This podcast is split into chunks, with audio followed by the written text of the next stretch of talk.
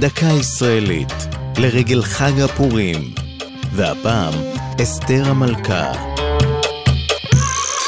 שורשי תחרות מלכת היופי של היום מגיעים לתקופת היישוב העברי בארץ טרם קום המדינה.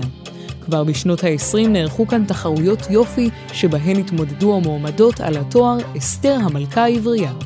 זו נבחרה בכל שנה בט"ו בשבט, ובקרנבל הפורים של תל אביב נסעה בראש האדלוידה במכונית פתוחה לכל תשועות ההמונים.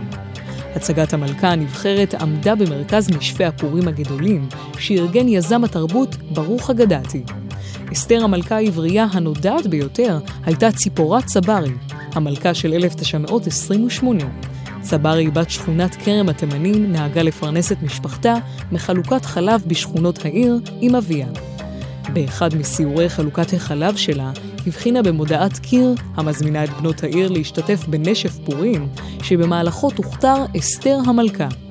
צברי הביאה מהבית שמלה ותכשיטים של כלה תימניה, התייצבה לתחרות רגע לפני שהיה מאוחר מדי, וזכתה במקום הראשון.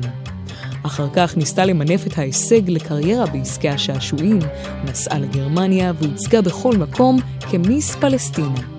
צברי שבה ארצה אחרי עליית הנאצים לשלטון בגרמניה. זו הייתה דקה ישראלית על פורים ואסתר המלכה. כתבה מיקה נחטיילר, ייעוץ הדוקטור חזקי שוהם, עורך ליאור פרידמן.